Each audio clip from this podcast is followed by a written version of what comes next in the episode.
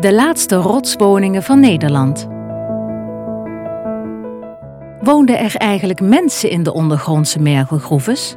Met een constante temperatuur van 12 graden en een luchtvochtigheid van bijna 100% zou je denken van niet. Toch zijn er enkele zogenaamde rotswoningen bewaard gebleven. In de 19e eeuw hadden blokbrekers, mannen die mergel wonnen, in Geulem enkele rotswoningen gemaakt.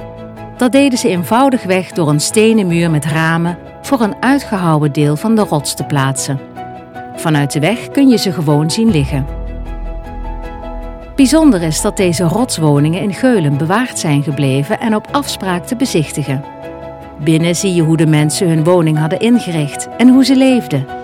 Zo'n rotswoning klinkt romantisch, maar het was er nogal primitief.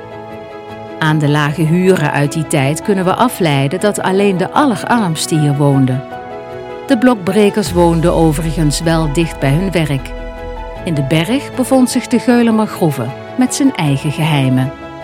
Zo vind je in deze groeve een schuilkapel uit de Franse Revolutie en een prachtige portrettenreeks van het Nederlands Koningshuis.